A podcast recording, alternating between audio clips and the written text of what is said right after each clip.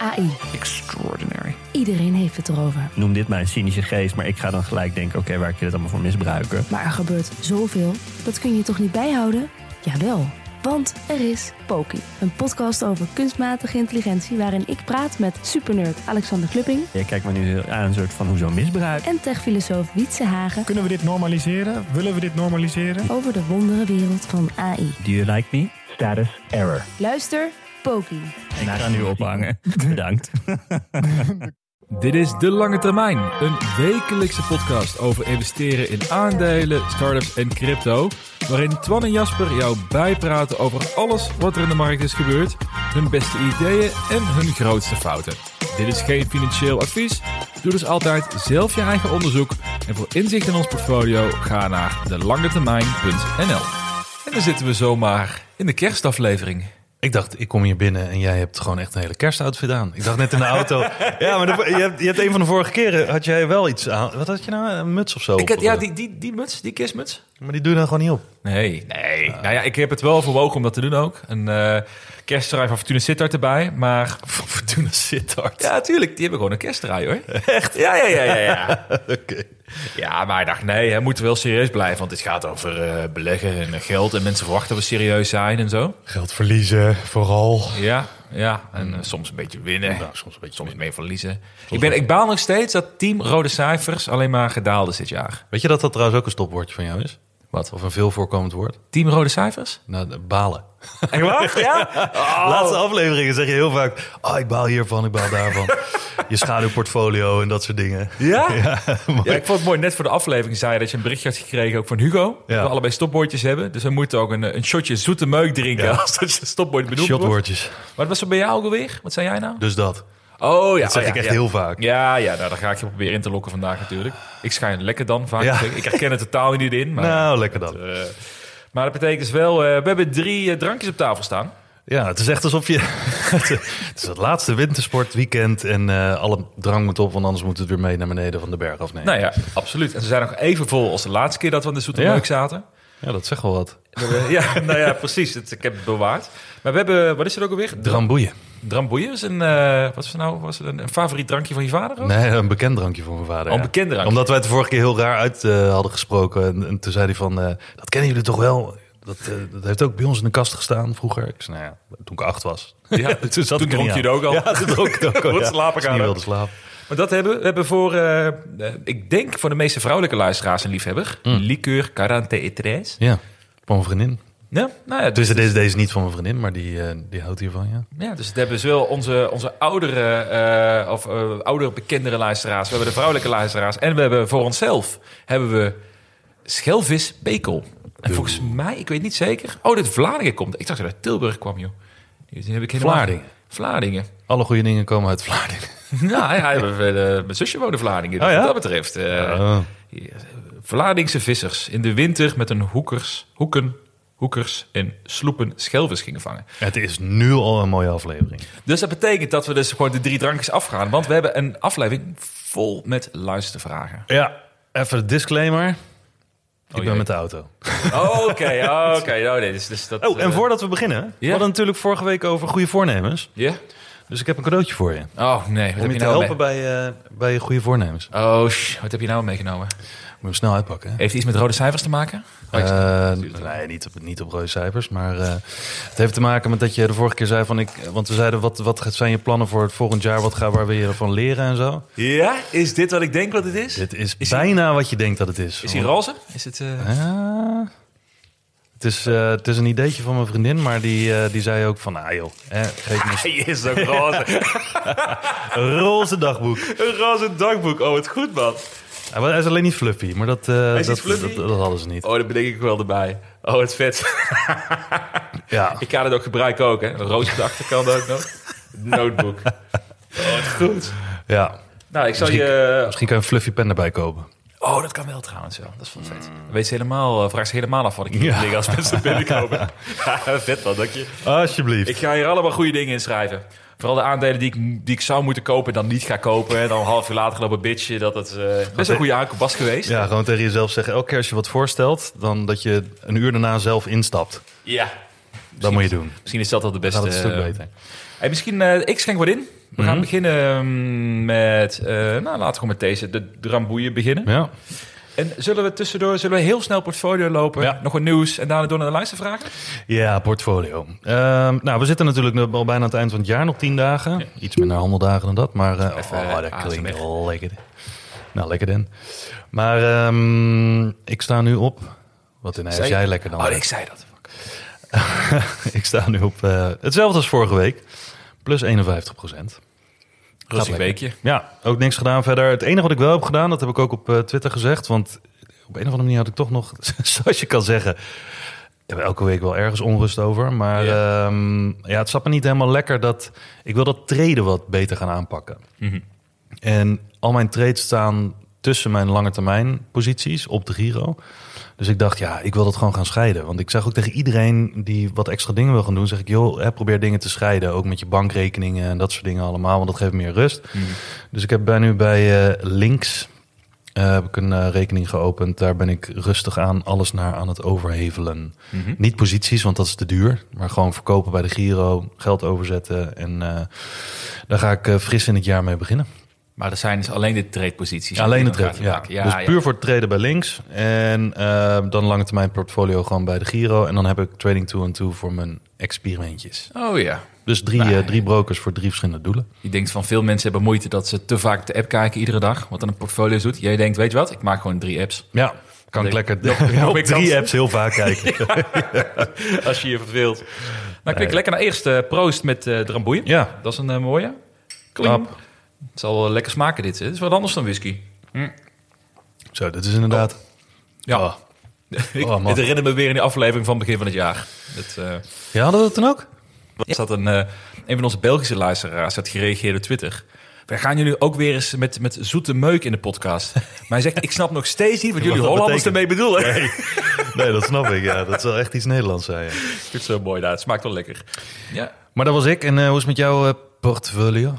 Nou, ja, ik had natuurlijk gehoopt langzaamaan richting de, de, de zwarte cijfers te gaan. Maar hè, misschien moeten we ook gewoon de traditie gewoon trouw blijven. Dus ik sta min 18% Ja, je trekt een heel zuur gezicht. Waarschijnlijk meer door de drank dan door mijn portfolio-cijfers. Maar- Ja, daar ben ik inmiddels wel gewend. Die zoete merk niet. Nee, dat is waar. Nee, ik hang een beetje tussen min 15 en min 20 procent. Dus dat zal waarschijnlijk het jaar uitgaan op die manier. En, Maar, Ja? nuance, alweer. Dat is min 18% wat in de tracker staat. Maar dat is Ja, niet ja, wat, ja, hè, met alles erop en eraan. Dus Ja. eh, eh, ga je dat volgende week eh, bekijken wat je eindejaarsstand stand is of zo? Nee, want dat heb ik het hele jaar niet meegeteld. Dus dan tel Ja. ik nu ook niet, niet per se mee. En ineens plus 72. dat is Oké, top. Nee, nee, vanaf volgend jaar ga ik wel, gaan we natuurlijk wel eens breder doen ook. Volgens mij wil jij ook iets Ja. meer gaan kijken. Ook naar startups en andere investeringen die Ja. doet en trades en zo. Hè? Dus Ja. Dat iets eh, completer maken. Maar eh, nee, ik accepteer mijn lot. Ik denk dat het gewoon rode cijfers wordt dit jaar. Team rode cijfers, captain. En eh, hopelijk een transfer volgende zomer. Mooie afsluiting. Dan hoop ik niet op een keiharde melt-up eh, zometeen. Want dan eh, wordt het lastig voor je om in dat team de captain te zijn. Ik zou het sneu vinden om nu bij het zwarte cijfers Ja, te. Dat, dat, dat zou vervelend zijn. Dat is ook een lekkere positie. Stijg maar niet. kan alleen maar beter. Ik wil alleen maar verliezen. Maar over stijgen gesproken, de lange termijn portfolio. Ja, man. Je hebt een concurrent erbij, hè? Ja, dat is echt. eh, nou ja, we hebben natuurlijk elke week erover dat dat eh, op en neer gaat en, en alle kanten. Maar ik heb eens even zitten kijken in de tracker. Dat, eh, dat begon het jaar natuurlijk op nul, want we zijn hè, begonnen in januari. Ehm, dat groeide toen in één maand of twee maanden door naar 28% in de plus. Toen in mei stond het op min 8%. Eind juli, dus hè, de, wat is het, drie maanden later, krap, stond het op plus 35%. Toen in oktober min 4%. en nu op plus 42%. dan? Als je die grafiek ook ziet, joh, dat is gewoon, het lijkt wel, het lijkt wel een hartslag. Het is gewoon. Dat zijn gewoon swings van en neer, 40% op en neer. in een maand of 1, 2. Man, man, man. Dus eh, nee, maar dus nu het eh, plus 42% doet het goed in eh, Risk On. Want er zitten natuurlijk best wel veel van die namen in die, ja, die daar goed op gaan. Zoals Coinbase, CrowdStrike, Nvidia en Bezi nog steeds in de top Oh, 4. ja. Het is wel typisch dat zelfs dit portfolio waar best wel veel bekende namen zitten, wat grotere bedrijven, Ja. stabielere bedrijven, dat die nog steeds zo ontzettend Ja. volatiel is. Ja. Zie je toch zelfs als je, wat dit zijn over het algemeen mag je wel stellen, wel mooie bedrijven Ja. Waar je echt wel lang in mag zitten. Volgens mij is het een heel mooi portfolio om te lang aan te houden. Absoluut. Maar hoe volatiel het is, is toch wel bijzonder. En dat Ja, ja, en dat benadert wat dat betreft ook gewoon de Nasdaq. Dus eh, alle verschillende namen die erin zitten. En we hebben natuurlijk ook best wel wat namen eruit gegooid gedurende het jaar. En dat verlies wat we daarop hebben moeten nemen, want dat waren de slechts presterende, die hebben we er toen uitgeknikkerd. En dat verlies is hier ook in verwerkt. Dus Ja. zelfs hè, met dat eh, weggesneden verlies, wat ik ook een goed teken vind, want heel veel mensen zeggen ik durf geen posities weg te snijden, want dat gaat ten koste van mijn rendement. En dan hebben wij het er vaak over, hè, ondanks dat wij het ook lastig vinden. Als je ze wegsnijdt, kan je dat geld stoppen in iets waar, waar je meer vertrouwen in hebt. Nou, dat hebben we gedaan precies met dit portfolio. Ja. eh, volgens de luisteraars. Dus, eh, en dat blijkt uiteindelijk gewoon goed te werken. En zij hebben wel nog steeds Coinbase. Ja, ja, ja zij, zij wel. Wijsheid van de, van de massa. Ja, nou ja. Alright, luistervragen, jongen. Ja, luistervraag of wil je nog kort hebben over bugs? Of wil je die... ehm, Nee, laten we niet over bugs hebben. Nee? Gaan we het positief houden? Ja, laten we het positief houden. Oké, nou heeft meneer ook eens een keer geld verloren en de mensen moeten skippen. Nee. Voor de volgende keer hoor. Oké, heel kort dan. Heel kort. Nee, Bugs is overgenomen door, door de ABN. Eh, het eerste wat ze hebben gedaan is, eh, of tenminste, het moet nog goedgekeurd worden volgens mij, maar de, eh, de intentie is er om het over te nemen. Het persbericht kwam eruit. En wat je dan nu ziet, is, zijn twee dingen, of eigenlijk drie. Eén is wat er al gaande was. Dat was dat de tokenholders van de Bugs token zich heel erg benadeeld voelden, omdat hè, de token, er werd verder niks meer echt mee wat gedaan, niet meer doorontwikkeld. Ik snap nu waarom. Ja. Eh, dat snapt iedereen, denk ik. Ehm, eh, en uiteindelijk is dat gedelist van Qcoin en weet ik veel wat. Nou, heel veel verlies opgeleden. Mensen, er is een hele goed Telegram groep die ehm, is, weet ik veel hoeveel man sterk. Die willen daar een zaak van maken, geloof ik.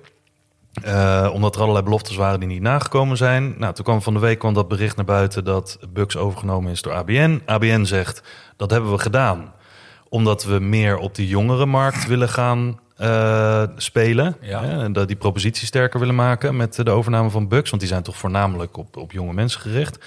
Eh, het eerste wat ze doen, crypto afsluiten. ja, precies. Oké, top. nou, dus de boomer dingen blijven over. Oh man. Ehm, dat, dat ging zo los ook in onze groep bij, bij Amdax natuurlijk. Ja. daarover. Van, wat, hoe, hoe, kan, hoe kan dit met elkaar rijmen? Ja, Dat- dat- nou ja, en goed, bedoel, achter de schermen snapt iedereen het natuurlijk wel. Want hè, banken zijn natuurlijk geen fan van dit soort dingen. Dus uiteindelijk is de hele crypto eh, ehm, portefeuille of, of het aanbod is overgezet, of wordt nu overgezet naar Coinmerce. Mhm. Eh, dat was volgens mij ook zo met Binance. Binance ging naar eh, Bitfavo. Oh, dat ging naar Bit- Bitfavo? Ja. Welke was het dan nog meer die van... Nou ja, maakt niet uit. Ja, je, dacht hebt, je hebt nog, nog één of twee gehad, ja. ja. Of eentje gehad die, die zo'n deal had. Was eentje ook naar Coinmerce. Nee, Ja, was Binance nee, Binance was, was wel naar wel- Coinmerce, Ja, want ja. ik had nog wat, eh, zoals ze dat mooi noemen, crypto dust. Ja, Mm. crypto stof staan. Hele kleine aantallen. En die werd toen op een gegeven moment overgezet naar Coinmerce. Toen dacht ik, ja, moet ik hier nou een account aan maken voor die 2 euro? Nou, niet gedaan. Dus eh, ja, dat gaat over naar Coinmerce. Dus dat is eh, twee. En drie, het item wat hier ook hot in is, is dat Bucks heeft in de afgelopen jaren heel veel financieringsrondes gedaan via private rondes. Nou, een van de dingen die onderdeel daarvan waren, was dat via onder andere Seeders, het eh, start-up platform, dat kleine beleggers, kleine investeerders, daar ook aan mee konden doen. Hè, al vanaf volgens mij een tientje. Eh, er zijn meerdere rondes geweest. Het- de eerste ronde was volgens mij al in 2017, dus dan hebben we het over zes jaar geleden. De laatste ronde was uit mijn hoofd een paar maanden geleden. Eh, en toen kreeg ik ook een mailtje van, van hè, wil je meedoen? Want dit is alleen voor bestaande investeerders. Die kunnen dan bijleggen en kunnen dit steunen. En ik voelde al wat nattigheid en ik dacht, ik ga niet bijleggen. Blijkt dus achteraf een hele domme zet geweest te zijn. Maar dat had ik van tevoren niet eh, kunnen weten. Want wat, wat lijkt het verhaal te zijn... in een soort waterfall constructie... wordt er bij zo'n overname bepaald... welke type aandeelhouders, private aandeelhouders... als eerste hun geld terugzien. En dan hoe lager je in die waterval zit, hoe minder water er nog stroomt en hoe minder je dus terugkrijgt. Dus de mensen die bovenaan zitten daarin, die krijgen het meeste uitbetaald. En die hebben er dus ook het meeste aan. Maar wat blijkt nou? Degene, en dit is het verhaal, en ook volgens mij bevestigd door de CEO van Bucks, dat degene die een paar maanden geleden hebben meegedaan in die ronde, die krijgen drie keer hun geld terug. En als er dan nog wat overblijft, dan krijgen degene van de eerdere rondes geld terug. Als ze überhaupt nog geld terugzien. Want dit zal niet voor een volledige sky-high waardering overgenomen zijn door ABN. Ehm, dus wat, wat, krijgen, wat is nu de situatie? Dat heel veel mensen, en dat hele forum, dat ontploft bijna op Seeders. Ja. Heel veel mensen zeggen, en ik ben er ook eentje van, maar ik ben daar niet zo vocaal in, omdat ik denk, ja, ik heb er geen invloed op en, eh, en weet ik veel wat, dit is het risico wat je neemt. Ik vind het wel een beetje een raar verhaal. ehm, dat zij zeggen, dit kan toch niet zo zijn dat degene die het minste risico nemen, namelijk van een paar maanden geleden, nu al hun geld maal drie terugkrijgen en dat degene die al zes jaar risico hebben genomen, dat die niks terugzien. Maar dat is ook totaal de omgekeerde wereld ook. Ja, dat zou je zeggen. En eh, uit mijn ooghoek heb ik eh, een bericht gelezen, ook weer van Jorik van de ehm, CEO van Bucks. Van ja, eh, dit gaat vaker zo. Weet je wel, er zijn gewoon nou eenmaal eh, preferentievoorkeuren en dat soort dingen. Maar het riekt een beetje naar een soort van insider trading. Mm. Ik bedoel, ik vind ik, het is een heel beladen woord, maar Vermoeden. Vermoeden een- van matchfixing. een vermo- ja, vermoeden van matchfixing, ja. ja voor, insider voor uitgeschakeld en weet ik veel wat allemaal. Maar ja, dat, kan toch niet zo zijn dat in de laatste ronde met het minste risico, terwijl er al gesprekken schijnbaar waren met de ABN, maar gewoon hè, de verkennende gesprekken, dat heel veel investeerders die daarvan zouden weten, in één klap binnen drie maanden drie keer hun geld terugkrijgen. Ja, ja, ja. ja. Ja, joh, hallo. Eh, Klinkt nou, heel makkelijk allemaal. Klinkt wel heel Ja. makkelijk. Dus er zijn nu ook heel veel mensen die zijn brieven aan het voorbereiden voor nou, advocaten en, en dat naar de AFM en weet ik veel te sturen. Dus. Maar ik dacht eerst van, oké, mensen die dan ontevreden zijn dat ze een investering kwijt zijn geraakt bij een start-up. Ik denk van, ja, daar heb ik geen, daar heb ik geen medelijden mee. Nee. Dat, dat hoort een beetje die zullen er vast game. tussen zitten, ja. Maar dit verhaal horen wat je nu vertelt, Ja. dan denk je toch even van, wat, wat de fuck is daar aan de hand? joh? Hoe kan dat dan? Ja, en iemand anders die zei ook, en die, die zit er al heel lang in, die ken ik. En die heeft een heel groot start-up portfolio. Dus die heeft ook echt heel veel geld. Die heeft er heel veel verstand van. En die zegt ook, dit is zo'n raar verhaal. Dit heb ik eigenlijk nog nooit meegemaakt. Tuurlijk ge- gebeuren er shady dingen vaak. Maar ook dat, dat dit door Seeders namens al hun... ehm, ja, niet leden wou ik zeggen, maar iedereen die heeft geïnvesteerd via Seeders in Ja. eh Bucks. Dat Seeders dit namens iedereen heeft goedgekeurd, deze overname. Dus Ja. nou ja, het is, eh, het is een heel raar verhaal en het eh, is nog niet klaar, denk ik. Nee, maar dit is wel leuk om te volgen. Het is niet leuk, want het is, het is natuurlijk wel een, een Nederlandse trots in die zin. Wat Ja. niet een fantastische afloop krijgt, zou je kunnen denken op Hey, deze een manier. heel raar, heel raar nasmaakje eh, hou je eraan over. Dus ja. Maar wel mooi dat zij dus eh, echt de jongeren willen gaan aanspreken. Vind, ik, vind ik wel vind ik schitterend. Want ja, we weten allemaal, jongeren hebben een hekel aan crypto. Dus ik snap dat ze dat niet doen ook. Kanonnen, wat een goede propositie. Ah, fijn hè. Dus we zijn een beetje biased misschien. eh, Ja, wat dat heel betreft. tuurlijk. Hey, hoe, hoe was je drankje? Je zit er nog steeds half in, joh. Ja, man. Yo, je, je, bent, je bent er echt van aan het genieten ook nog. Ja, ja. Oh, en een vleugje van dit en een vleugje van dat. Oh, Eh, joh. Nee, ik doe even rustig aan. Ik doe de, de- ik doe de eerste vraag eventjes. Ja, gooi er maar in. Ja, slim met geld. Het nieuwe jaar komt eraan. Indexeren jullie het maandelijks beschikbare bedrag? Of doen jullie dit op de dag dat het loon geïndexeerd wordt? Nou, ik zou niet weten wat loon is, ten eerste. Nee, is niet jouw ding. Nee, want ik werk voor mezelf. Maar ehm, als de vraag is of je hè, wat je maandelijks wil gaan beleggen, of je dat mee indexeert met de stijging van je loon. Mhm. Eh, dat heb ik altijd wel gedaan in mijn, in mijn vroegere baan. Ehm, maar wat ik altijd deed is van elke 100 euro die ik erbij kreeg, netto. Ja. Want bruto heeft niemand wat aan behalve de Belastingdienst. Maar van elke 100 euro netto die ik erbij kreeg, ging 80 euro naar beleggingen. Eh, en 20 euro trakteerde ik mezelf op een mega luxe leven. een, een extra Turkse pizza hier en daar. Ja, ik lekker naar McDonald's toe. Ja, en dat deed ik, dat deed ik altijd als ik mijn... Hè, ik weet dat het in België bijvoorbeeld anders is. Of tenminste, vaak zo. En ook bij heel veel ehm, eh, cao's is dat ze bijvoorbeeld aan, net aan het begin van het jaar allemaal een indexering krijgen. Wij kregen dat in onze industrie pas in mei elk jaar. Hm. Dus eh, ik deed dat altijd in mei. Wanneer, dat, eh, wanneer de eerste loonstrook eh, verhoogd op mijn bankrekening kwam. Maar gewoon meer salaris is meer in beleggingen. Ja, ja. Eigenlijk idem. Nou, ik doe gewoon wat ik vrij houd. Iedere maand eh, stop ik in beleggingen. Ja, Ik- doe je, ik- maar wacht, doe jij het dan? Want dit is ook een mooie discussie wat mensen altijd hebben. Hè? Ja. Beleg jij eerst en kijk wat je overhoudt en dan ga je daarvan leven? Of hou je aan het eind van de maand iets over en dat beleg je? Oh, zo. Nee, als ik, als ik salaris krijg, gaat het meteen gaat het, grotendeels naar de beleggingsrekeningen. Dus een vast, vast bedrag van een salaris gaat altijd heen. En gedurende die maand, als ik eh, heel eh, eh, goed ben geweest met geld besparen, gaat er nog steeds meer kleine Ah, puntjes heen. Dus zo. ik kijk een beetje wat ik overhoud. Maar in principe, het enige wat op mijn rekening staat, is wat mijn uitgaven zijn. En de rest zit allemaal in beleggingsrekeningen, in crypto en dat soort dingen. En weet je ongeveer wat je percentage is wat je van je loon aan beleggingen doet? Ja, dat, dat, van mijn netto loon is dat, ik denk toch wel bijna 50 Ja? per, per maand. Ja. ja. Want ik weet dat dat in de hele FIRE community met savings rate, ja. dat iedereen, iedereen heeft natuurlijk een soort benchmark waar die alles aan vergelijkt. Hè? Maar toen ik in het begin daar heel erg in was gedoken, had iedereen het over savings rate. Van hoeveel van elke euro gaat er naar beleggingen? Hoeveel gaat er aan het werk voor de toekomst? En mensen die zeiden van, joh, eh 50, 60, 70 procent. Want ik kan maar op 30 procent leven. Dat, dat lukt me gewoon. En ik dacht altijd, hoe doe je dat? Hoe kan je op maar 30 procent van je loon leven? Ja. Bij mij is het nog nooit gelukt. Ik geloof dat mijn hoogste percentage van mijn netto inkomen... wat ik naar beleggingen en naar sparen, dus hè, wat voor de toekomst is... was volgens mij ooit 40 of 45 procent. Maar dat is nog steeds heel veel, toch? Ja, dat is echt heel veel. Ja.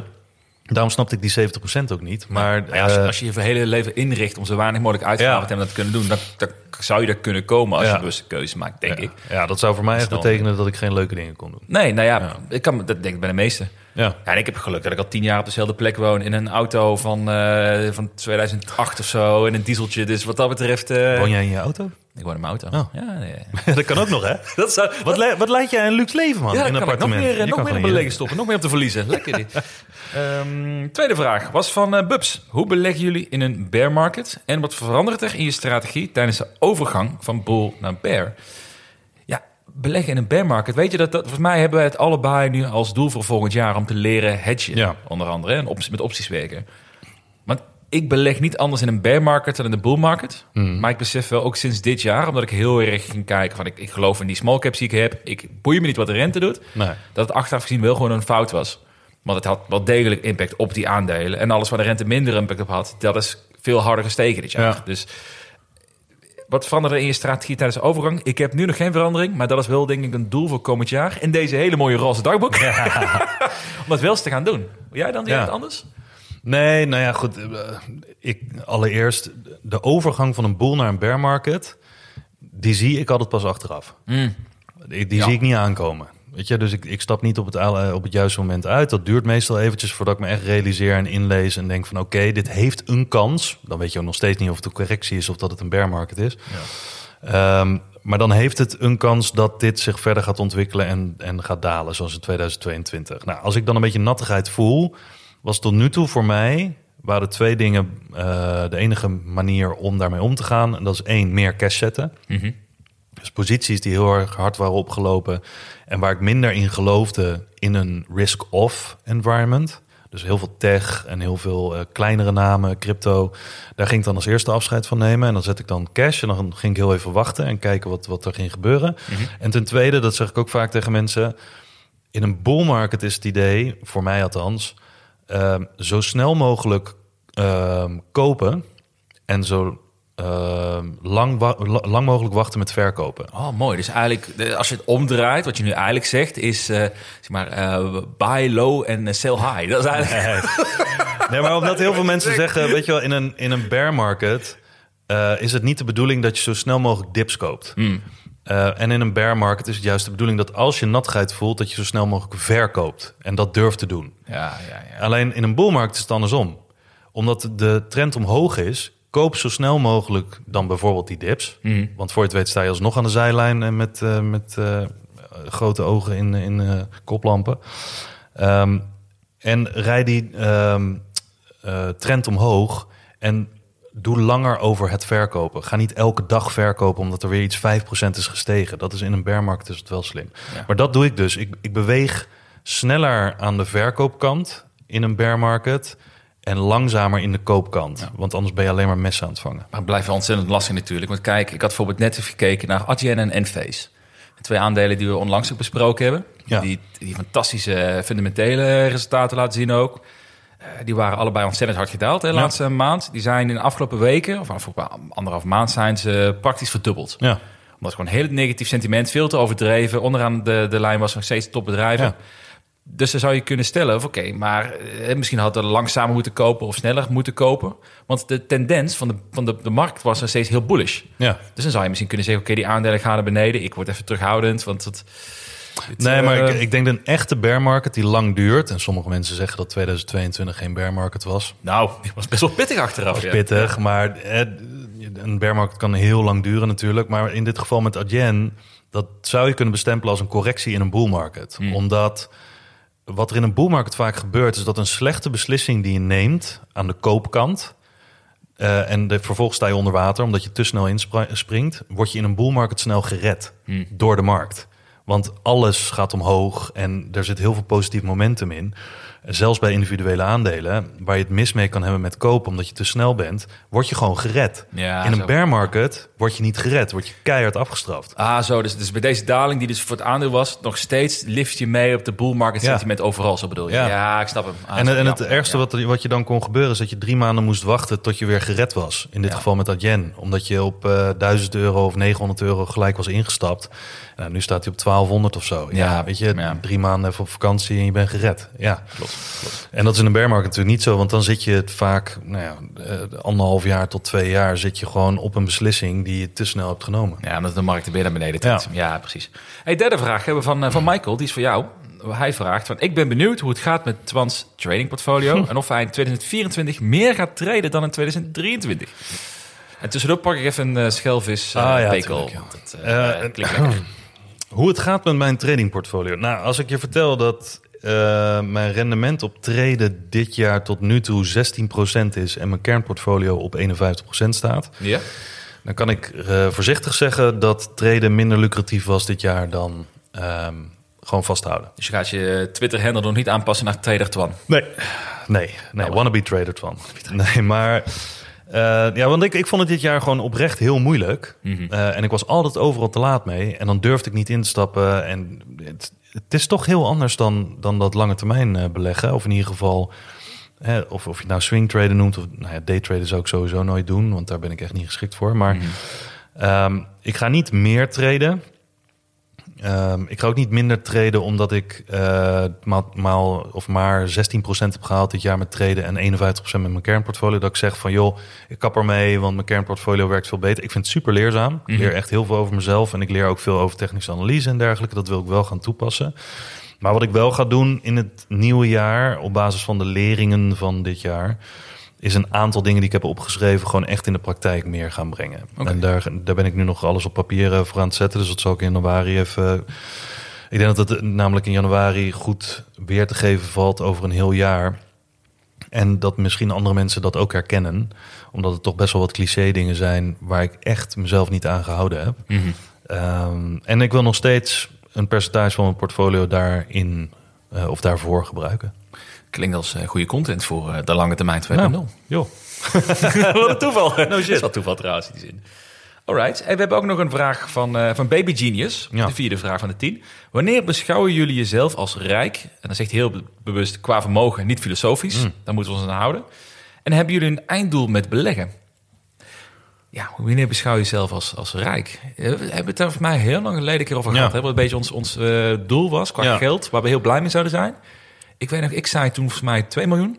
Want van 2 miljoen kan je van 3%, 3% dividend kun je eh, meer dan prima Mhm. rondkomen. Ja. Maar echt rijk, vermogensrijk. Ik moet, ik moet wel zeggen, ik heb ooit één keer wel mijn doel opgeschreven. En dat is altijd heel cheesy om te zeggen. Want men- hoe, ho- hoe hoog je doel is, hoe meer mensen zeggen... oh, wat een bullshit, gaat nooit gebeuren. En dat verhaal daar heb ik, heb ik totale lak aan. mensen daarvan vinden. Maar het is toch uiteindelijk een single-player game. Ja. Maar mijn doel, nu wat ik heb gesteld... voor- voordat ik zeg maar, mag stoppen met werken... en gewoon op het eh, strand van Ibiza gaan liggen... ja. is eh, 25 miljoen.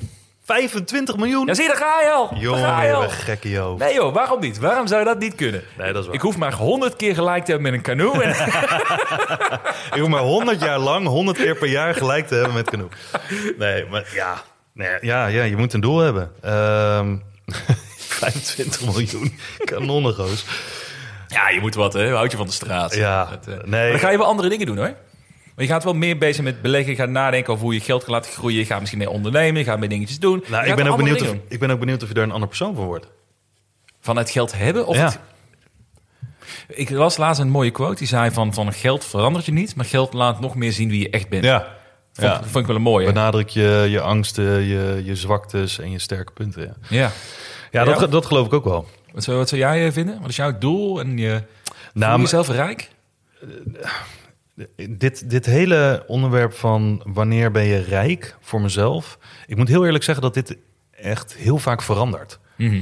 Ehm, ondanks dat ik een doel heb. Hè, mijn doel is om uiteindelijk eh, deels of volledig van beleggingen te kunnen leven. Te kunnen leven. Hè? Niet Ja. dat ik daarvan ga leven, maar te kunnen leven. Ehm, mocht ik de keuze willen maken om bijvoorbeeld, weet ik veel, drie jaar met mijn kinderen te gaan spelen of noem maar op. Ehm, maar rijk was, ik denk tien jaar geleden voor mij miljoenen. Ja. En dat weet ik niet hoeveel, maar gewoon miljoenen. Dat was toch wel een bedrag waar ik gewoon niks bij voor kon stellen. Dus of het er nou tien of, of twee waren, eh, Ja. onbereikbaar. Ehm, maar nu is het voor mij eh, rijk in vermogen, is dat ik genoeg geld heb om al mijn kosten, plus een beetje comfort natuurlijk. Want ik heb altijd basiskosten, comfortkosten en luxe kosten. Luxe kosten, ja, dat zijn dingen die ik niet echt nodig heb om een goed leven te hebben. Comfort vind ik leuk om een goed leven te in te hebben. Nou, dus die, die basis plus comfort, die kosten jaarlijks dat uit beleggingen kunnen halen. Eh, dat, zou, dat zou voor mij rijkdom zijn. En als je daar nou gewoon, hè, voor de lol, daar nou gewoon een nummer aan zou moeten plakken. Gewoon meer of minder dan 25 miljoen. 25 miljoen, wat is dat eh, bedrag voor eh, mieren? Nou ja, ja precies. Ja. Nee, nee, de- nou, laat, tussen de 1 en 2 miljoen.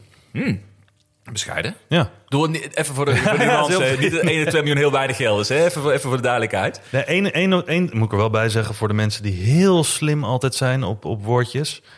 Ehm 1 tot 2 miljoen met de huidige koopkracht.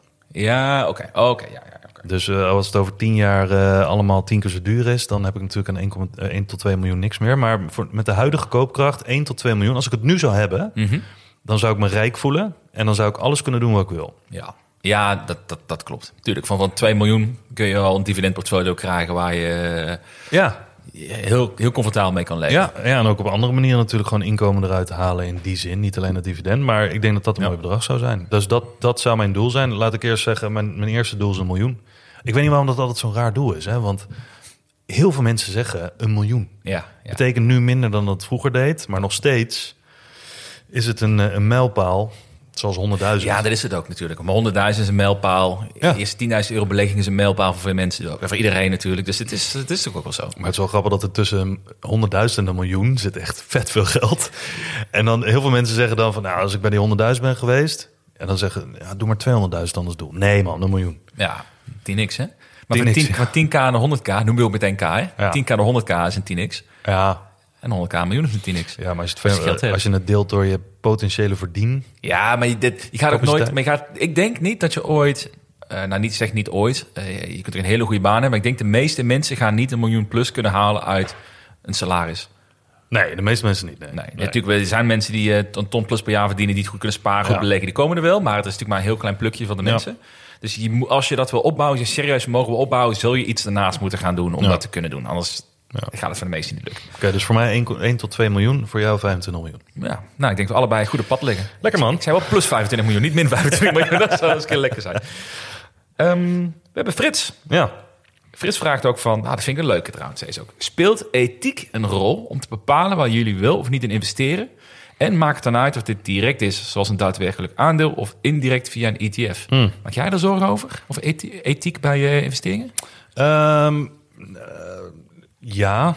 Ehm, nou ja, dat is tweeledig, want hij, hij splitst hem mooi op. Ik splits hem ook altijd op in dit, in dit verhaal. Ik denk dat je kan nooit alles weten. Hè, want in alles zit wel iets verwerkt. Je volgt bedrijven, maar je werkt er niet. Je investeert erin. Eh, je hebt geen idee wat ze achter de schermen doen... totdat er iets naar buiten komt. Dus geen idee. Maar voor zover het kan... probeer ik met individuele investeringen of beleggingen... daar wel rekening mee te houden. Dat ik alleen in beleg in dingen waarvan ik min of meer... een waarschijnlijkheid eraan kan plakken... dat ze niet met onethische dingen bezig zijn.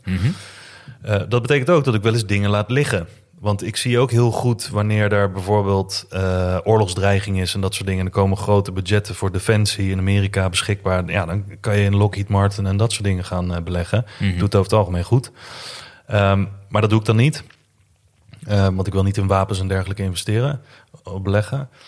Maar in een ETF, zoals bijvoorbeeld een van de populair, populairdere ETF's, zoals die wereld-ETF's van Vanguard of eh iShares en dergelijke, ja, daar zitten ze ook in. Ja, dat klopt. Eh, als je een ETF neemt die ESG-friendly of approved is, dan nog steeds zit je erin Ja. in veel van die bedrijven, omdat eh, de, het criterium bijvoorbeeld is dat ze 10% met iets groens of wat dan ook bezig zijn. En dat is dan volgens een fondsmanager genoeg om ze in, hè, te includen in zo'n E ETF.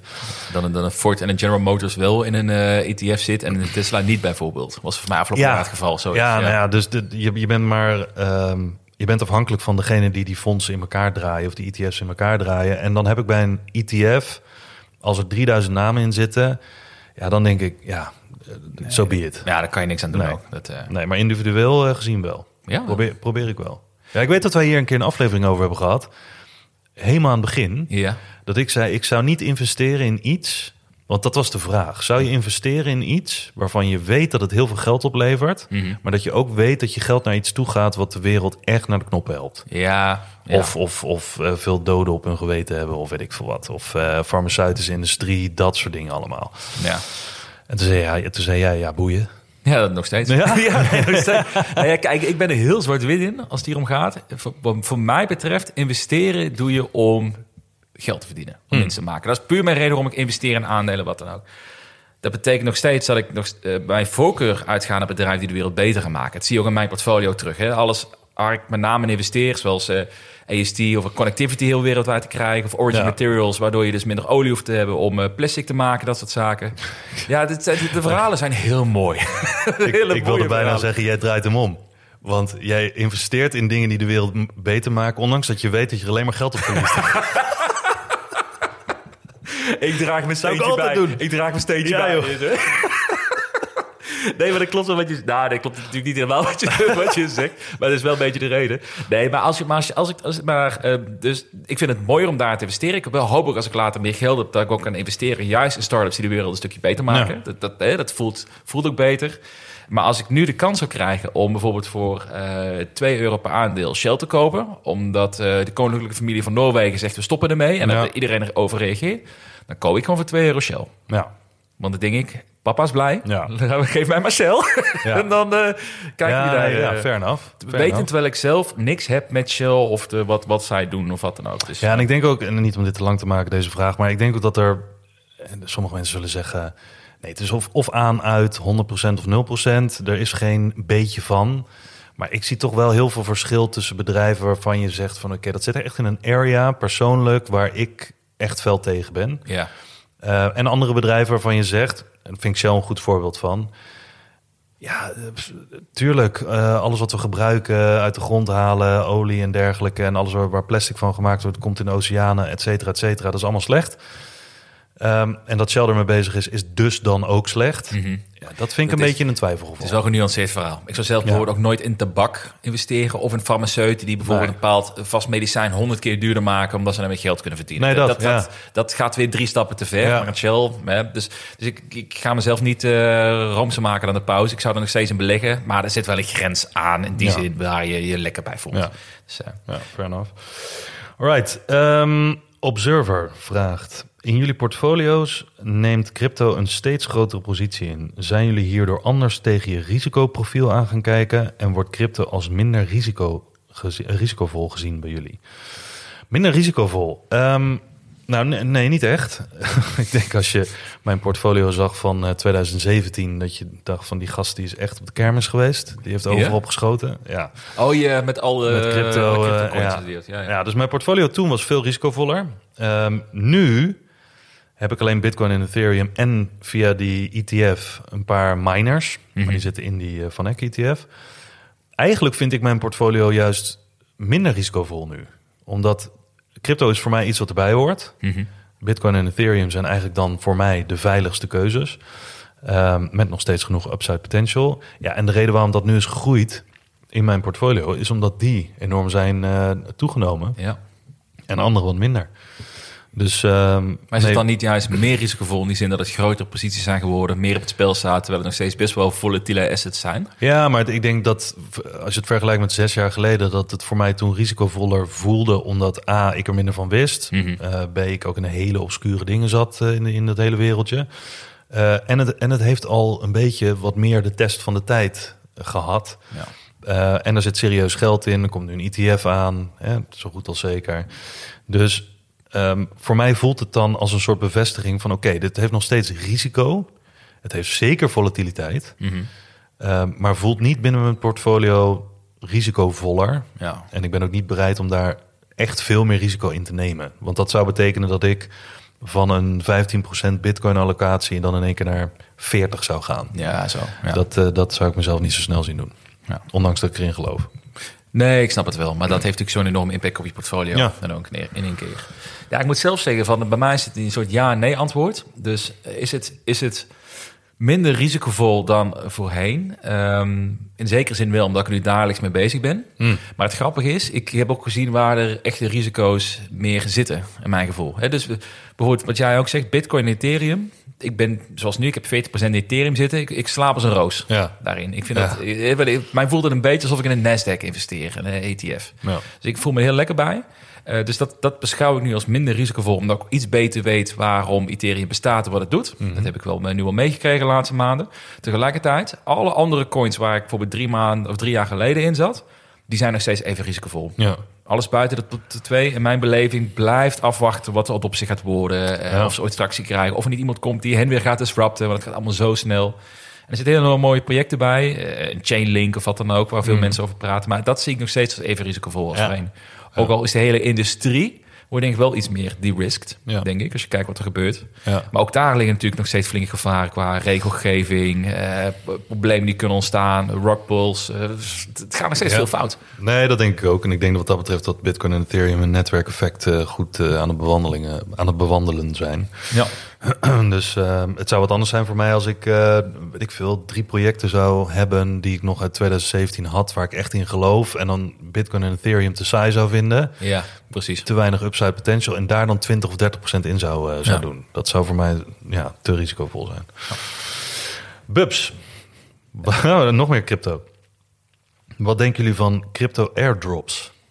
Nou, ik heb dus collega's, ze gaan er heel goed op. Ja, Want mijn collega's hebben bij Amsterdam zitten natuurlijk de hele dag met crypto zijn Ja. bezig. Allemaal obs obs- obscure projecten waar ik er nooit van gehoord heb. Echt de, de, de, de volgende Dogecoin wordt. en zo. Dat is echt geniaal om daaromheen te Ja. hangen. Iedere keer komt er weer eens moois iets nieuws erbij. En crypto airdrops, daar hadden we laatst in een van de podcasts van hen het ook over. Je kunt dus airdrops farmen. En Wat dat betekent, en, en airdrop farmen is dat je bijvoorbeeld, eh, je moet actief zijn op een netwerk. Dus je hebt eh, bijvoorbeeld Ethereum-netwerk, maar je hebt ook allerlei netwerken eh, daarbuiten. Waar die het, het willen stimuleren dat jij iets op hun netwerk doet. Ja. Om ook de actieve gebruikers omhoog te halen, wat dan ook. En het kan dus, aantal, zeker bij nieuwere netwerken, dat ze stimuleren met de belofte van... als jij net actief wordt, is de kans groot dat je een airdrop krijgt. Ja. En een airdrop is eigenlijk gewoon een pakketje in je brievenbus... met hier heb je duizend coins te waarde van Ja. x bedrag. Ja, het is gewoon een reward. Ja. het is gewoon een reward eigenlijk. Van Ja. dankjewel dat je actief was op ons netwerk. En het schijnt dus, en ik heb er zelf zit ik er helemaal niet in... en ik denk dat ik me daar van mijn kop ga slaan over een tijdje... als je dat dus heel actief doet, airdrop farmen... dan kun je dus gewoon tot tienduizenden dollars per maand kun je, kun je eruit trekken. Door hier 100 euro te traden op netwerk A, 100 euro te traden op netwerk B... een actieve wallet houden, steken daar... Maar dat, dat- ja, dat, dan moet je er zo diep ingraven. Dus ik doe het niet, maar mensen die erin zitten... kan ik me voorstellen, is heel, kan heel lucratief zijn. Ja, ik heb er wel eens aan meegedaan in, eh, wat was het, 2018. Toen ik ook in zo'n groep. En die zeiden ook, er zijn natuurlijk, voor mij zijn er twee typen airdrops. Eén zijn de irritante dingen die je altijd in je wallet vindt, omdat je ooit een project hebt gehad en dat airdrop dan een nieuwe token. En dan scant bijvoorbeeld een ander project, scant alle adressen van die die token bezitten. Want dat kan je gewoon hè, op Ja. Etherscan bijvoorbeeld zien, in dit geval op het Ethereum-netwerk. En dan eh, droppen ze gewoon al hun eh, tokens van dat project, droppen ze gewoon, of een paar NFT'tjes, droppen ze in je, in je wallet. In de hoop dat je gaat kijken. Ja, soort marketing. Ehm, daar heb je echt geen klap aan. Ondanks dat er sommige dingen die ik wel eens heb gekregen ineens, nou weet ik veel, 30 euro waard waren of zo. Nou, Mm. gelijk van de hand gedaan. En vaak ook scams waar je af en toe ook nog je Heel veel kunnen scams, pakken. ja. precies. Dus daar heb ik ook wel eens een, eh, een, een dingetje mee gehad. Dat je dan dat aanklikt, daaraan meedoet. En dan vervolgens eh, wordt je wallet leeggetrokken omdat je niet oplet. Ehm, dat is ook een manier om, om dat goed te doen. En het- ten tweede wat jij zegt, die reward eh, airdrops. Ehm, ja, het is een soort ja, reward of rente als je meedoet aan een netwerk. En eh, ik ken ze ook inderdaad die eh, van NFT handelen naar airdrop farming zijn Ja. gegaan. Of van DeFi farming naar NFT's naar airdrop farming. Ja, het is... Bijzondere wereld. ja, het, ik kan me voorstellen als je niks te doen hebt... of als je het echt, nou ja, weet ik veel... eh, hier al je tijd aan wil besteden... Ja. en je bent er echt goed in... dan is het nog zo'n niche... Ja, dan kan je er echt je voordeel uit halen. Gaat wel echt de laatste cycle zijn dat dit kan hoor. Ja, dat is natuurlijk wel. puur gok en gamblen Ja. van... eh, ik hoop dat ik, dat ik een, eh, mijn kas, kraskaart... Ja. Ja, het is krassen, ja. Ja, nou. Interesting. Maar nee, allebei, allebei niet. Nee. Slim met geld vraagt, ook heel leuk. Welke financiële vraag of stelling gaan jullie dit jaar op jullie familie loslaten tijdens het kerstfeestje? Ik denk dat, ik, ik denk dat er meer vragen op mij afgevuurd worden. Ja, wat denk je? Ja, dat is elk jaar. Van, wat, Nou. moet ik, wat moet ik kopen? Moet ik al bitcoin kopen? Moet ik al beleggen? Zoiets. Ja, nou, dat zijn dat zijn vaak de algemene vragen. Soms zijn het van die vragen die ik op verjaardagen en aan het eind van het jaar krijg van... eh, nou, hoe is, het dan, hoe is het met je portfolio, dit en dat? Sommige mensen luisteren, sommige mensen luisteren niet naar de podcast. Dus, ehm, en dan zeggen ze, oh ja, waar heb je dan in gezeten? En dan, oh, moet ik dat nu doen? Dan moet ik ook, ook dit. Oh, ik heb trouwens gehoord dat bitcoin is gestegen. Moet ik nu instappen? Dat zijn meestal een beetje de vragen. En, ehm, of dingen die in het nieuws zijn geweest of zo. Daar krijg ik altijd vragen over. Maar dat is altijd een goede gelegenheid om aan het eind van het jaar... Ik zit dan ook dit jaar met eh schoonfamilie. Volgens mij is het een mannetje of 25 of zo. Ehm, en dan krijg je het ook wel eens te horen. Van, eh, ik ben hierin gestapt, ken je dat? Weet je Oh, soort- ja, ja, ja.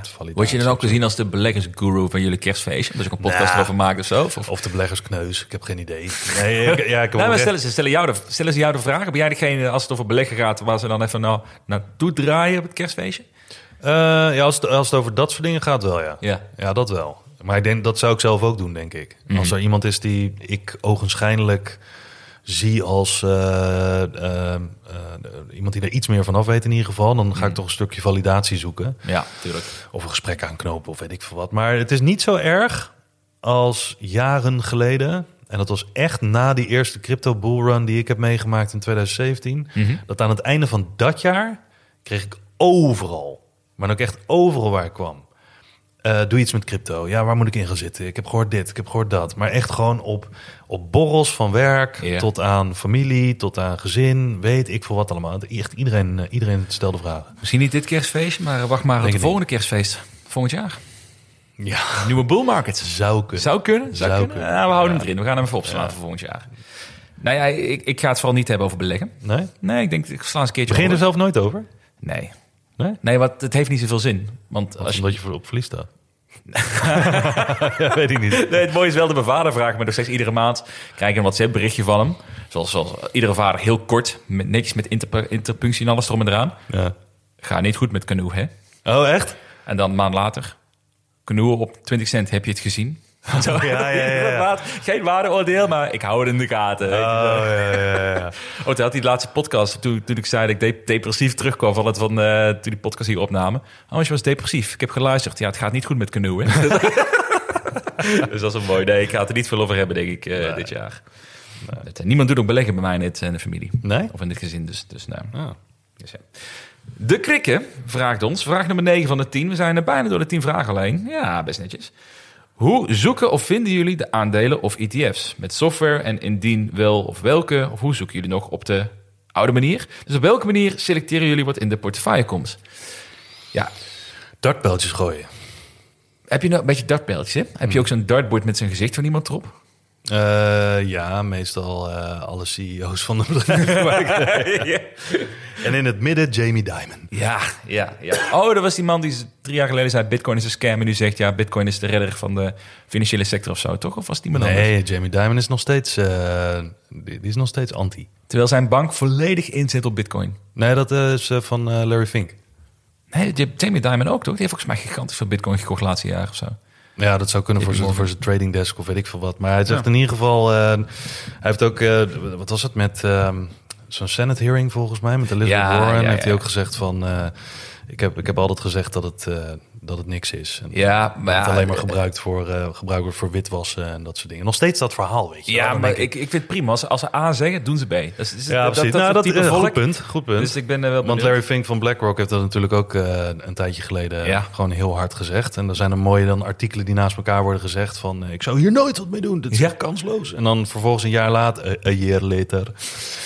ja, we gaan een ETF lanceren. Ja, Oké, bizar. Ehm, ja, hoe, zoek, hoe zoeken we dat? Ik denk dat jij met individuele aandelen dat anders doet dan ik. Over het algemeen met ETF's... Nee, laat ik het ja, anders zeggen.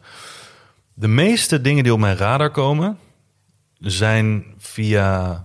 eh, niet omdat ik dat aan het zoeken ben met een tool... Maar discovery bij mij begint eigenlijk doordat ik een podcast luister, een interview kijk, ehm, een, een research rapport lees of wat dan ook. En dan komen er wat dingen, dus bijvoorbeeld een sector die bijvoorbeeld belicht wordt voor de komende tien jaar. En dan denk ik, oké, wat zouden hier de, de opkomende bedrijven in kunnen zijn? Ehm, en dan ga ik kijken via bepaalde tools, of het nou eh, Seeking Alpha of Oh ja, weet ik veel ja. wat is. Eh, ehm, er zijn natuurlijk genoeg eh, eh, scanners ook. Ja. Dan ga ik eens kijken wat de koers doet. eh, eh, of er dividend is of geen dividend. Wat, wat een beetje het eh, historische resultaat is. Ja, en dan ga ik kijken of ik dat in mijn portfolio wil hebben. Voor ETF's doe ik dat hetzelfde. Alleen dan heb ik altijd één website waar ik het altijd op check. Dat is justetf.com. Hm. En dan heb je echt gewoon een database van alle ETF's die je voor Europeanen kunt krijgen. Dus eh, daar doe ik dat meestal. Maar en, en eh, Twitter. Twitter is ook, Ook. een goede voor Ja, discoverability van nieuwe bedrijven. Ja, ja. zeker. Giga. Ja. Jij? Nou, ik zat te denken, voor mensen die het leuk vinden... we hebben natuurlijk een aparte pagina voor tools voor beleggers op de website Ja. staan ook. Dus daar staan ook heel veel eh, websites tussen waar- die wij gebruiken hè, voor, de, voor deze specifieke vraag. Nou, ik, ik, ik doe eigenlijk hetzelfde. Dus ik, ik heb veel discoverability via, via Twitter. Eh, af en toe een beetje via Reddit of andere forums waar je dan langskomt. Ik denk, ja, dat is wel interessant. Even eh, naar Ja. uitzoeken. En dan ga ik eigenlijk heel simpel het hele rijtje af met Seeking Alpha, Yahoo Finance gebruiken. Het enige Ah, ja. waardoor Yahoo nog eh, Ja. relevant is, is met Yahoo Finance. En ik ga kijken via Stratosphere, ga ik kijken hoe de historische cijfers eruit zagen, qua waarderingen, hoe het stond. Dus ik doe daar wel onderzoekje naar. Ehm, en uiteindelijk kijk ik gewoon naar wat ik belangrijk vind. Eh, hoge free cashflow of hoge, hele hoge groei of whatever. Wat ik dan op, voor dat specifieke aandeel interessant vind. En dan ga ik in de tijdje in de gaten houden. En eh, meer erover lezen. En dan eh, hoop ik dat het een keer een goede keuze is. Ja. Tot nu toe niet heel vaak gelukt. nee, zonder gein. Maar ik, maar ik moet wel eens wel zeggen, had het er vorige keer ook over. Ook voor nu weer. Ik ben nu aan het kijken voor een portfolio voor volgend jaar. Om ze met de bakjes te kunnen werken. Ja. Om dan ook members van ons kunnen gaan volgen. Ik heb echt moeite nog steeds om nu Ja. aandelen te vinden die interessant zijn. Ik ook. Ik vind het zo moeilijk nu. Maar heb je dan wel aandelen die je interessant vindt nu? Ehm, puur de propositie van het bedrijf, een toekomstperspectief. En dat je dan zegt, oké, de enige knik is dat, of kink in de kabel is, dat de waardering enorm is opgelopen. Ja. Weet je, Of dat- de waardering gewoon hoog is. ja, gewoon hoog is. Dus heb je, dan een, heb je dan wel dat je voor jezelf opschrijft... oké, deze bedrijven zijn interessant. Mocht er bijvoorbeeld, je hebt geen idee... een 20% correctie komen of een 10% correctie... of een 5% correctie... Ja. dat het dan binnen je waarderingsnormen valt... waar je wel kan valideren om in te stappen? ja, zeker. Ik heb een lange list van denk 40, 50 aandelen die ik al drie jaar volg. Met, met ook echt gewoon eh, actiematige targets... waarvan je zegt, oké, als dit op die koers komt... en het blijft nog steeds de propositie zoals ik die... een paar Nou, maanden geleden zag. Dat is een goede vraag. Nee. En dat komt omdat ik dus... Ik kijk dus met name waar ik naar kijk is eh, return on invested capital. En de, de enterprise value ten opzichte van de free cashflow. Ehm, omdat die twee factoren zijn voor mij het meest succesvol gebleken om aan te geven of het aantrekkelijk gewaardeerd is en of het een goed bedrijf is. Even Heel, heel makkelijk gesteld ook. En het kan natuurlijk best zijn dat één kwartaal bedrijf enorm overperformt. En daar het heel goedkoop wordt. En de andere maand dat het eh, nog steeds goed presteert eigenlijk, maar nog steeds heel erg duur is. Ja. Nvidia, als ik op volgens mijn metrics kijk, is op dit moment best een interessant bedrijf. Want het Ja. is eh, veel lager in die metrics geworden omdat ze overperformed Ja. hebben. Ja. Maar nog steeds denk ik van ja, houden ze dat vol? Ze hebben nu zo'n enorme boom gehad de laatste eh, kwartalen. Mhm. Dat, ik, ik zie dat niet als de standaard. Dus dan kan je best wel jezelf gaan verleiden om dan te kopen. Want het staat onder die EV to free cashflow. Ja. Ja. Maar je moet echt het verhaal daarachter wel beseffen hoe dat komt. En dat is... ehm, Kijk, het meest wat ik interessant vond, waar we het in het begin van het jaar over hadden, zijn gewoon bedrijven die al jarenlang solide groeien, die een heel groeipad voor zich hebben en die eigenlijk ontzettend goedkoop waren. Ook historisch ontzettend goedkoop. Ja. En Adobe voor eh, 20 keer de free cashflow, terwijl ze 90% marges maken, dat soort dingen. Ja, dat zijn no-brainers. Maar dat wordt natuurlijk, die no-brainers worden natuurlijk wel steeds moeilijker, omdat de markt steeds, als het goed is, steeds efficiënter dit soort dingen inprijst naar de toekomst toe. Ja, En omdat steeds meer mensen toegang hebben tot die informatie. Nou, ik denk het dus niet. Nee? Zou je denken, zou je denken. Ja. Maar het, vorig jaar december, hoeveel kansen hebben we toen gespot? hè? Nee, tuurlijk. Dus, tuurlijk. en afgelopen maand met Adyen, wat totaal misgewaardeerd was. Eh Enphase, wat totaal misgewaardeerd was. Alleen ik, ik, ik denk, wat ik nu dus merk, ze zijn er wel, maar zijn er wel sporadisch. Dat is niet de hele bak wat nu is. Maar ik heb het gevoel dat nu echt wachten is tot zo'n kans er komt. Ja. Dus ik, ik heb ook op dit moment echt geen portfolio voor Nee. volgend jaar... waar ik nog opnieuw in wil stappen. Ik denk, Nou, dat wordt leuk. ja, ik blijf gewoon lekker zitten. Gewoon 100% bitcoin of zo.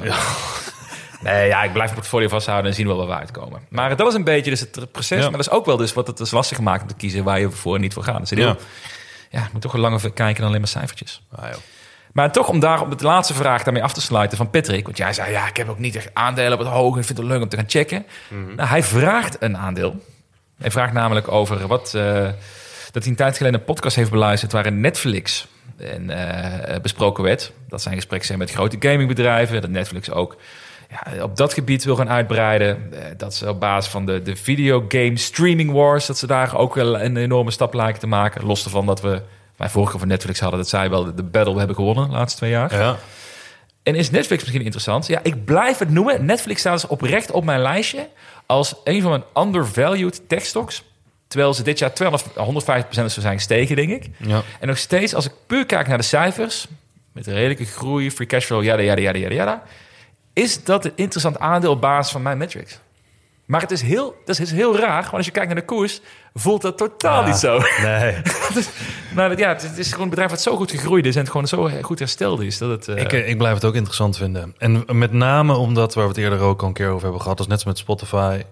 Je kan wat zeggen over de huidige businessmodellen... en of dat dan echt nog levensvatbaarheid heeft of groei heeft... op dezelfde manier als de afgelopen jaren. Op een gegeven moment is dat hele concept wel uitgemolken. Iedereen heeft een, eh, een, een, een account en kent de content. Het is een soort commodity geworden in plaats van iets speciaals. Ehm, maar vervolgens hebben ze zo'n netwerkeffect gehad. En als ze dan naar iets anders overbruggen, zoals Spotify naar luisterboeken bijvoorbeeld. Of eh, als ze straks, eh, weet ik veel, iets met. ehm, ja, ik heb geen idee. Conference dingen, Ja. events, eh livestreamen. en omdat ze nu ook video doen erbij. Dat dat helemaal hun ding wordt, muziekconcerten of geen idee. ja, pas helemaal bij jouw netwerkeffect portfolio. Ja, dan zou Netflix natuurlijk ook met dit hele streamingverhaal, videogame streamen, dan heb je zo in één keer dat je het kan wegzetten Ja. en een nieuwe, ehm, een nieuwe markt kan aansnijden en dus ook daar weer groei in kan realiseren die eigenlijk in je normale streaming van content eh, ja, een beetje op zijn hoogtepunt zit. Ja, eens. En dus, volgens die metrics, best interessant Ja. gewaardeerd. Ook al voelt het totaal niet zo. Dus Ja. dat eh, moet ik dieper indijken. Was vraag van Patrick, is onderzoeken waard? Ik denk zeker, ik ga het onderzoeken. In ieder geval. Ik zeg niet meteen dat ik ga kopen, maar bij mij staat er met netverlies om daar wel de komende maanden naar te kijken. Dus eh, misschien moet ik daar een artikel over schrijven. Leuk! Ja, een soort analyse. Doen. Hè, een keertje joh. doen? Eh, Voor, ben je voor het nieuwjaar een paar analyses maken? Hè? Nee. nee man, ik heb betere dingen te doen. Jij niet? Oh, nee, trouwens. eh, Ik, ik, kijk, ik kijk wel even naar. Oh ja, kijk ik maak wel eens moois. Nou, ja, is goed. Hey, ehm, tien luistervragen hebben we gehad. Ja. We hebben zoete meuk gehad. Ja. Ik vind dat jij het heel netjes doet trouwens. Je bent Ja. met de auto, dus dat is... eh, eigenlijk is dit ook gewoon een vrijbrief voor gallegal marketeers... om te zeggen, ja, die gasten die zijn bewust met alcohol... eh, gaan ze maar gewoon sponsoren. En we brengen ze thuis. We brengen ze thuis. Dan moeten we... Oh, Uber, ook een heel interessant aandeel nog steeds. Oh ja, we combineren gewoon wat dingen zodat we ook nog thuis komen. Uber en gallegal mogen bellen. Hey, wat gaan we eigenlijk bespreken in een Vrienden van de Show aflevering? Ik, eh, Oh, daar hebben we het helemaal niet over gehad. nee, gaan we ASMR breien of zo? Of Ja. iets, iets, iets? Ja, dat denk ik. Ja, ASMR breien. Ja, gaan we zo even verzinnen. Nou, dit wordt een grote verrassing. We weten het zelf nog niet eens, maar oh, jullie willen niet weten wat het is. hey, beste mensen, allemaal dankjewel voor het luisteren. Hoop dat jullie het leuk vonden. En, uh, En alvast- voor de luisteraars. En alvast een fijne kerst. Fijne kerst, fijne feestdagen. Ja, fijne feestdagen. Geniet ervan. We zijn volgende week terug met de allerlaatste aflevering van het jaar... waar we gaan terugblikken en vooruitblikken Mhm. op een nieuw jaar. Dus dat wordt eentje die je niet mag missen... als je brak naar je, van je schoonouders komt naar kerst. dus eh, ik wil je allemaal nogmaals bedanken voor het luisteren. En Tot de volgende week.